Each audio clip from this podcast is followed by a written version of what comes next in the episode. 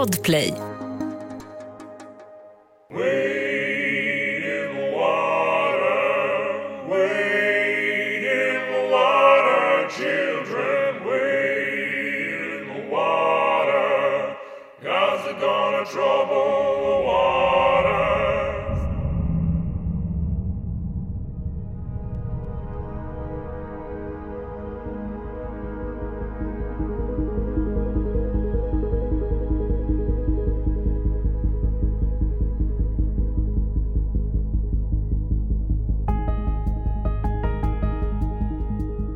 När kommer ut från affären Sedan plötsligt en livlös man ligger på gatan. Runt mannen har det samlats människor som står och tittar på. Anna reagerar på instinkt. Det var både läskigt och eh, jag var så stressad och det var, det var så många känslor som bubblade upp i mig på samma gång. Eh, och det enda jag kunde tänka på var han är död, han är död. Jag måste få, jag måste få liv i honom. Det här är en berättelse om liv och död. Och om människor i nöd som många går förbi utan att låtsas se. Jag heter Jenny Burman och du lyssnar på Hjältarna. Podcasten med starka berättelser om människor som ingriper med civilkurage. Vi samarbetar med Podplay som är en ny podcastplattform. Och där hittar du den här podden och många andra poddar. Så gå gärna in och lyssna där, antingen på podplay.se eller via appen Podplay. Men nu, nu ska du få lyssna på Anna och Seans berättelse.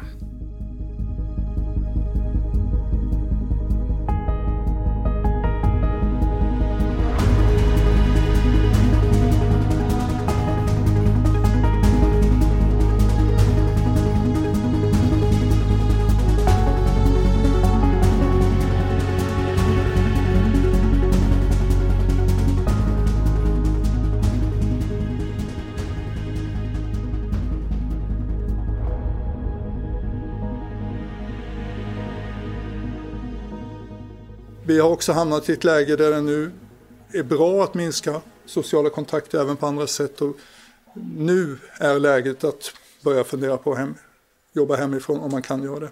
För nu är det ett sånt läge så att det skulle kunna göra skillnad. Det är valborg 2020. En vår som inte är någon annan lik. Och kanske är det tur i det här fallet. För annars hade Anna och Sean med största sannolikhet inte varit på plats den där dagen. Och mannen hade kanske inte fått hjälp. De är i 30-årsåldern och har varit ett par i cirka ett och ett halvt år. De arbetar både med kommunikation och träffades på jobbet, en PR-byrå i centrala Stockholm. Men för Anna som är född och uppvuxen i Göteborg har det inte alltid varit självklart att arbeta med kommunikation. 2015 tror jag det var, så pluggade jag två år på sjuksköterskeutbildningen på Karolinska. Eh, men jag hoppade av tyvärr eh, på grund av att jag tyckte att det var... Jag gillar att hjälpa människor och se folk bli friska. Men det som var väldigt jobbigt för mig var att se folk eh, dö och försvinna från mig. Så därför valde jag att avsluta den utbildningen. Hennes erfarenheter är däremot värdefulla. Vi befinner oss i Solna, en grannkommun till Stockholm. Det är här paret bor när de har Seans lägenhet som bas. Det här var ju mitt under corona eh, när allt hade satt igång eh, och vi satt hemma och jobbade tillsammans, jag och Sean. Eh, och sen så var det någon, jag tror att det var valborg eller någon högtid. Eh, och vi fick för oss att vi skulle gå och eh, handla så här supergod middag. Eh, och steka kött och göra rödvinssås och sådär. och dricka gott rödvin till det. Så vi tog en promenad på lunchrasten och så gick vi till Solna centrum och handlade mat på ICA. Så snart de är klara börjar de ta sig ut från gallerian där mataffären ligger. Det är vår i luften. Trädens knoppar har börjat brista. Och trots tuffa coronarestriktioner känns vårsolen hoppfull. Men stämningen förändras när de plötsligt ser en man som ligger livlös på marken. Stod det några och liksom tittade på honom. Jättemärkligt. Och bara så här, ah, bara där ligger någon snubbe livlös liksom typ tre personer, lite så halvt omringande och bara tittar på honom. Liksom. Jag såg ganska snabbt att han eh, inte han hade inte färg i ansiktet utan han var snarare lite lila, blå, grå. Och då förstod jag direkt att här är något som inte stämmer. Jag blev stressad och jag kände hur adrenalinet bara började pumpa direkt. Eh, så jag får mig att vi släppte påsarna där vi stod. Eh, och jag sprang fram till honom eh, och samtidigt som jag springer fram till honom så vill jag minnas att jag skriker typ han är död. För att det var liksom det första som kom, kom till mig. Så jag kliver ner på knä och tar hans puls direkt. Och då har jag ingen puls. Ett poddtips från Podplay. I podden Något Kaiko garanterar östgötarna Brutti och jag, Davva, dig en stor dos skratt. Där följer jag pladask för köttätandet igen. Man är lite som en jävla vampyr. Man har fått lite blodsmak och då måste man ha mer. Udda spaningar, fängslande anekdoter och en och annan arg rant. Jag måste ha mitt kaffe på morgonen för annars är jag ingen trevlig människa. Då är du ingen trevlig människa, punkt. Något Kaiko, hör du på Podplay. Därför är gardinerna. När jag tog hans hand eller tog hans puls och han inte hade en puls då blev jag ju först rädd och stressad och kände direkt att jag behöver hjälp. Så jag vände mig om och ganska mycket skriker på Sean att så här, kom hit, du måste hjälpa mig. Det är tumultartat. Anna är mållås och befinner sig vid mannens sida. Några steg bakom är Sean och hon behöver nu hans hjälp för att flytta mannen. Sean får sedan i uppgift att se till att mannen kan andas fritt och hålla koll på mannens puls. Ja, men först fick vi dra ut honom för han låg liksom inknödd på trottoaren mot huset kan man säga. Så han, hade, han var, låg lite, lite åt sidan och sådär. Så först fick vi hjälpas åt att dra ut honom. Han var ju jättetung för att liksom en, en död person eller en livlös person blir ju väldigt, väldigt tung ska man komma ihåg. Mannens tillstånd är livshotande. Vid hjärtstopp syresätts inte kroppen längre och för varje minut som går minskar chansen att överleva med 10 Och redan efter 3 4 minuter finns risk för bestående hjärnskador. De sitter på varsin sida om mannen. Anna är helt fokuserad på mannen och leder arbetet. Det var en väldigt stor man. Han var både lång och liksom mycket... Han var, han var stor karl. Ehm, så. Eh, och jag känner ju som sagt på hans puls. Eh, han har ingen puls och han känns också kall. Och även hans händer är liksom lite lila-blå.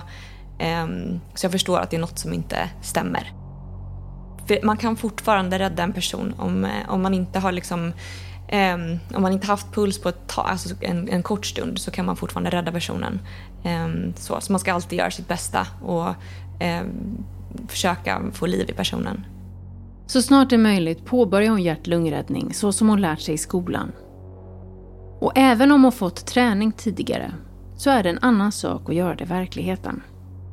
Vi fick lära oss att de pratade mycket om att du ska trycka mycket hårdare än vad du tror. Och framförallt om det är en stor person, alltså du ska ta i. Eh, så jag tog i för kung och fosterland. Kanske första två, tre kompressionerna så vågade man kanske inte så mycket men sen så var det bara köra på. Eh, men det är klart att det kan knaka för att man kan liksom bryta ett revben eller sådär. Eh, men det, du ska trycka hårt. Eh, det var både läskigt och eh, jag var så stressad och det var, det var så många känslor som bubblade upp i mig på samma gång. Eh, och det enda jag kunde tänka på var han är död, han är död. Jag måste få, jag måste få liv i honom. Ehm, så det var mycket känslor på samma gång. Personen som ligger livlös på marken luktar starkt av alkohol och han ser ut att leva ett tufft liv. Just likgiltigheten från människor som går förbi och passiviteten hos personerna som stod och tittade på har berört och upprört dem båda. Eh, när man, man, ja, men ofta så ser man ju att någon ligger livlös eh, och att folk bara går förbi. Eh, bara tittar knappt på personen i fråga. Och att det kanske är då snarare att man försöker ursäkt, hitta en ursäkt för sig själv att man inte ska behöva rycka in. Ehm, att man lever i sin egna värld och tänker på sig själv och det man själv ska göra. Jag har bråttom hem, laga mat, träningen, jobbet. Um, och att man då liksom går igenom de här ursäkterna i sitt huvud och tänker då, och då blir en av ursäkterna, ah, men nej men det är lugnt, den personen är inte död, den är antagligen alkoholiserad eller en narkoman eller så. Det kan tyckas vara liksom, folk kan tycka att det är ofräscht. Uh, vilket är hemskt. Anna och Sean är fortfarande själva under insatsen. Varje sekund är viktig för att mannen ska överleva och klara sig utan skador. Och ännu har ingen ringt SOS Alarm på 112. Eh, men samtidigt som jag sitter och börjar komprimera hans hjärta så ser jag en man eh, komma gående eh, mot oss lite längre bort. Och då skriker jag på honom ring, ring 112. Och det gjorde han. Och sen så kom han gående mot oss och hade då 112 i örat. Och jag får ju då, han som har ringt 112, jag får hans lur vid örat. Han håller telefonen vid mitt öra. För de ville prata med sjukvårdspersonal på plats och jag var väl den som var närmst det just då. Eh, det var en kvinna. Eh, hon försökte lugna mig. Hon hörde att jag var jättestressad. Eh, och jag minns att jag pratade både fort och högt. Och, ja, det var mycket som kom ut på samma gång. De ställde lugnande frågor. Så här, Hör du någon andning? Känner du någon andning? Eh, har, har du fått en puls? Eh, de ställde liksom lite ledande frågor för att jag skulle liksom lugna ner mig och, och följa deras råd. Liksom. Um, Ja. Var det skönt att ha dem i luren? Eh, både ja och nej. Eh, mitt, mitt enda fokus var ju att liksom komprimera hjärtat och få igång honom. Eh, men samtidigt så var det skönt att ha någon, eh, en professionell person i andra änden. Men det var också stressande på ett konstigt vis. Jag var så uppe i varv. Och sen så då efter ett par minuter så eh, slutar jag och så känner jag efter en puls och då har jag en jätte, jättesvag puls. Men det var verkligen lycka. Eh, ja, det var en jättehärlig känsla. Eh, men då bad larmcentralen mig att fortsätta komprimera hjärtat eh, för att liksom få igång en starkare puls.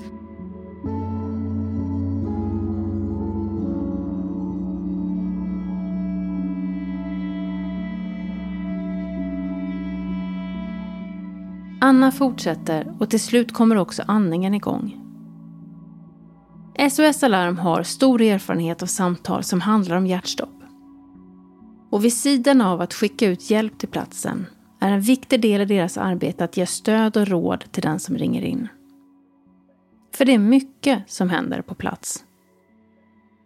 Det var ju väldigt många eh, runt om när du väl hade tagit kommandot och vi liksom satte igång så var det ju folk runt om då som försökte ge råd och ge input på hur man ska göra. Liksom. Och då var en av dem en engelsktalande person eh, som Anna då pratade på engelska med. Eh, så samtidigt som du pratade med eh, larmcentralen så försökte den här personen komma in och ge ytterligare råd på engelska. Jag blev jättestressad över det också och jag minns att jag blev tyvärr lite otrevlig för jag ville ju bara hjälpa den här mannen och få liv i honom eh, och samtidigt då få hjälp och råd från eh, larmcentralen som jag hade i örat. Eh, så jag vet att någon gång kom det fram en person och jag skrek typ back the fuck off. Ja. Eh, och det var någon gång det kom fram en liten chihuahua som skulle upp och nosa och den bara puttade jag iväg. Så samtidigt som jag liksom komprimerade hjärtat och ja, det var lite kaos där ett tag. Ja, alltså det var ju en panikartad situation, så mycket hände liksom. Men eh, och det är ju fint att folk ändå ville ge råd. Och jag tänker mig väl att innan du hade larmcentralen i örat så hade det väl kanske kunnat finnas ett syfte i att om någon tycker att den har bra input att den kan ge det. Men nu hade du ändå larmcentralen i örat. Alltså de kan ju bättre råd till dig än någon annan såklart. Mm. Men det var just det liksom att folk ja, men försökte då lägga sig i ja, men hur man skulle hålla huvudet eller ja, men typ då när du hade fått igång en puls så och fortsätter komprimera så är det någon annan som springer fram och känner på handleden och hävdar att det inte var någon puls där trots att det var det. Och det är lite, för det kanske inte är så lätt att känna och den var ju ganska svag. Så, där. så det var, eh, ja, det var mycket som hände där. Inom civilkurage pratas det ibland om åskådareffekten. Väldigt kortfattat handlar det om att ju fler personer som finns på plats, desto större är risken att ingen ingriper. Det är som att när ansvaret delas mellan många personer är det ingen som känner sig skyldig att ingripa. Det handlar såklart också om att vi är bra på att läsa av varandras reaktioner och agera utifrån dem. Och troligtvis är det också förklaringen till att fler personer började engagera sig aktivt så snart Anna och Sean tagit första steget. Men trots allt som händer runt omkring jobbar Anna på enligt de instruktioner som hon får från SOS-operatören.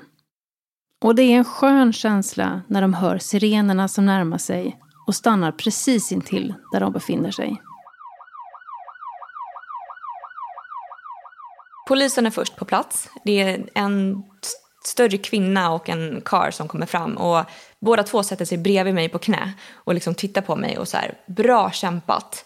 Vill du att vi tar över nu? Eh, så det var också coolt att jag fick liksom frågan så här, du gör ett sjukt bra jobb, vill du att vi tar över? Eh, så då backade jag undan och sen så tog den kvinnliga polisen över. Eh, och det var coolt att se för att hon tog i så mycket hårdare än vad jag tog i. hon hade både mer kraft och vågade väl ta i mer liksom. Ehm, ja. Vad snabbt de var på plats också. Det får man ändå säga. Alltså häftigt. Man tänkte ju coronatider och att det skulle ta lång, lång tid innan de kom. Men det var alltså några minuter. Eh, ja, det kändes som en evighet. Eh, jag minns också någon gång så har jag då larmcentralen i örat och jag blir bara stressad. Och I min värld så tar ju det här så lång tid. Vart är ambulansen? Så jag skriker faktiskt på larmcentralen i telefonen.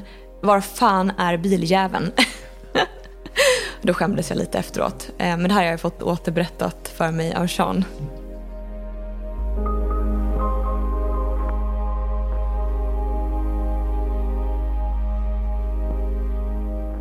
Sean och Anna backar några meter, men står kvar vid platsen. Vi, vi tittar på när de fortsätter göra hjärtkompressioner då, eh, den här kvinnliga polisen. Eh, och sen så tar det väl ungefär 15-20 sekunder till så är ambulansen på plats. Eh, och då hoppar ju de ut och tar över och de eh, sätter ju infarter på honom eh, och de, de satte ett sånt här luftrör i, eh, i hans Eh, i hans luftvägar eh, för att kunna pumpa in luft i, eh, i lungorna på honom. Så de jobbade, de jobbade jättefort. Alltså de kanske var nere vid honom och liksom satte de här infarterna och plaströret i luftstrupen och 25 sekunder. Sen var han inne i bilen. Det gick jättefort. Och vad gör ni när ambulansen åker iväg? Vad, vad händer? Eh, polisen stannade kvar ett tag eh, och kom fram och pratade med oss och vi fick snabbt bara berätta vad det var som hade hänt eller det vi hade iakttagit och hur vi upplevde situationen. Men de var, både ambulans och polis var snabbt därifrån sen. Ehm, så man kände sig lite tom när de hade åkt. Det var så här, man var dränerad på känslor och vart lite så här, vad fan hände egentligen? Jättemärkligt att gå hem sen. Och börja, ja, vi jobbar ju båda som kommunikatörer och det kändes lite så här Ja, nu går vi hem och jobbar med kommunikation igen då. Eh, hur det kändes helt plötsligt som att man får en... Eh, Wake-up call. Ja, om eh, vad liksom sjukvårdspersonal och ja, larmtjänsterna generellt gör så mycket bra för samhället hela tiden. Ja, det kändes ja. märkligt. Mm. Jag blev direkt sugen på att så här, fan kanske ska jag avsluta min sjuksköterskeutbildning ändå. Mm. och jobba med någonting som känns liksom mer meningsfullt på något sätt. De knyter loss hunden och plockar upp sina matkassar och börjar sedan sakta gå hemåt. De är båda märkbart tagna av vad de precis varit med om. Alltså, först så var vi nog ganska tysta och bara så här, jag vet att jag skakade lite grann och det var liksom adrenalinet bara pumpade i kroppen. Eh, men sen så började vi så här, ställde verkligen frågan till oss själva, alltså vad sjutton var det som hände? Vad, vad var det precis vi gjorde? Har vi precis räddat liv? Eh, var det på riktigt? Har vi drömt det här? Eh, du, som, du som tog kommandot så mycket och liksom ledde hela ingripandet. Du, det kändes som att du liksom inte heller riktigt mindes om vad som hade hänt eller vad du sa. Eller hur, ja, som att det blev en blackout. Så det var mycket så här, fylla i luckorna eh, lite grann. Alltså hur känns det att ha räddat en persons liv? Helt fantastiskt. Alltså det är ju inte alla som får uppleva det. Och det är ju säkert enda gången jag får uppleva det. Och Sean också. Så det är verkligen supercoolt. Att, och att vi fick göra det tillsammans. Alltså det blev ju liksom, ja, det är så mycket känslor och ja, det var så fint att få göra det.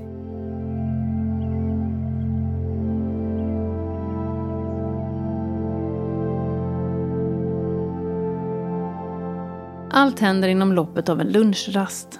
Och att gå tillbaka till datorn var en surrealistisk känsla. Men i mötet med kollegor och kunder får de uppskattning för sin insats. Folk är liksom både så stolta och så här, wow att ni vågade och eh, fasen var coolt att få uppleva det där eh, och så här, heja er liksom. Vi gick ju hem efter det här och hade någon form av eh, fredagsquiz med jobbet, digitalt då på grund av corona. Eh, och då berättade vi för alla och det var verkligen så här, wow, shit, berätta mer. Um, ja. Gud, kunde ni berätta utan att börja böla? Jag har nog gråtit mycket över det här när jag har berättat den här historien. Eh, för det är ju mycket känslor som kommer tillbaks. Eh, och man, eh, jag, jag känner stolthet över mig själv och liksom så här, mod att jag vågade eh, lita på de kunskaperna som jag har fått med mig. Vi, vi, var ett bra team och det kändes som att vi arbetade tillsammans trots den här stressen och pressen och eh, lite liksom kaosartade situationen. Och trots att vi hade en livlös man framför oss så liksom jobbade vi tillsammans och det blev ju väldigt bra. Händelsen är både fin och stark och har gjort stort avtryck. Det som ändå skaver för de båda är hur många människor som väljer att se bort för personer som lever utsatta liv på gatan. Alltså varje gång vi går in genom den ingången eh, där vi hittade honom så tänker man på det faktiskt. Och vi går ju oftast in där tillsammans så det har ju absolut hänt att man pratar om det eller reflekterar över det eller så här, kommer du ihåg och eh, undrar vad han gör nu, undrar om han lever, eh, vad gör han, hur mår han, undrar om han har eh, tänkt tanken, om han nu lever, eh, att vem var det som räddade mig, hur, vilka är de, kan jag kontakta dem? Eh, ah, det är mycket frågor och tankar. Det kan vara så att folk har haft chansen att rädda livet på någon utan att de vet det. För att folk tittar inte på personer som ser ut att vara liksom, alkoholiserade eller narkomaner som ligger livlösa på gatan. De tänker att ja, men där ligger någon som är liksom, hög och, och medvetslös. Um, ja, på grund av det, av narkotika eller alkohol. Jag, vet jag säger inte att han var det, för det vet vi inte med säkerhet. Men det, ja, det framstod som det i alla fall. Och jag tänker mig att folk kan ha haft chansen att göra det fast, och inte tagit den för att de bryr sig inte. Utan de avfärdar eventuellt en person som ligger och dör för att det är en narkoman. Som att de inte var liksom värda att ta hand om. Anna och Sean vet inte vad mannen hade drabbats av. De vet heller inte hur det har gått för mannen efteråt. Men det är någonting som de gärna skulle vilja veta och som de funderar på med jämna mellanrum. Varje år drabbas cirka 10 000 personer av hjärtstopp. Och nästa gång kan det vara du som är i närheten och får chans att rädda liv. Och kom ihåg, det är bättre att göra något än ingenting alls. Och varje sekund spelar roll. Tusen tack till Anna Sean för massa inspiration, kunskap och tankeväckande resonemang om vem som får hjälp i nödsituationer. Jag heter Jenny Burman och driver Civilkuragebyrån. Tipsa gärna om personer som du tycker ska vara med i podden. Du når mig via sociala medier eller civilkuragebyrån.se. För klippmix och ljuddesign står Erik Magnusson. Jag hoppas att du vill lyssna snart igen. Hej då!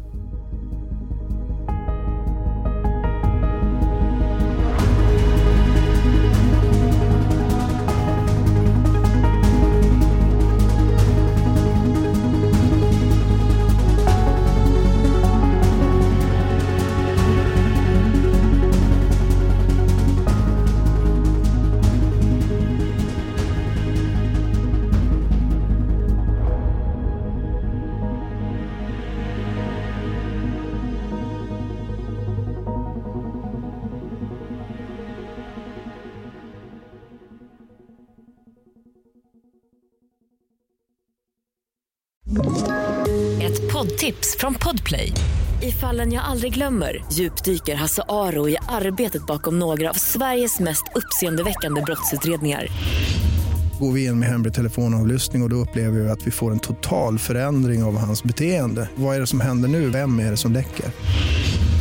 Och så säger han att jag är kriminell, jag har varit kriminell i hela mitt liv men att mörda ett barn, där går min gräns. Nya säsongen av Fallen jag aldrig glömmer på Podplay.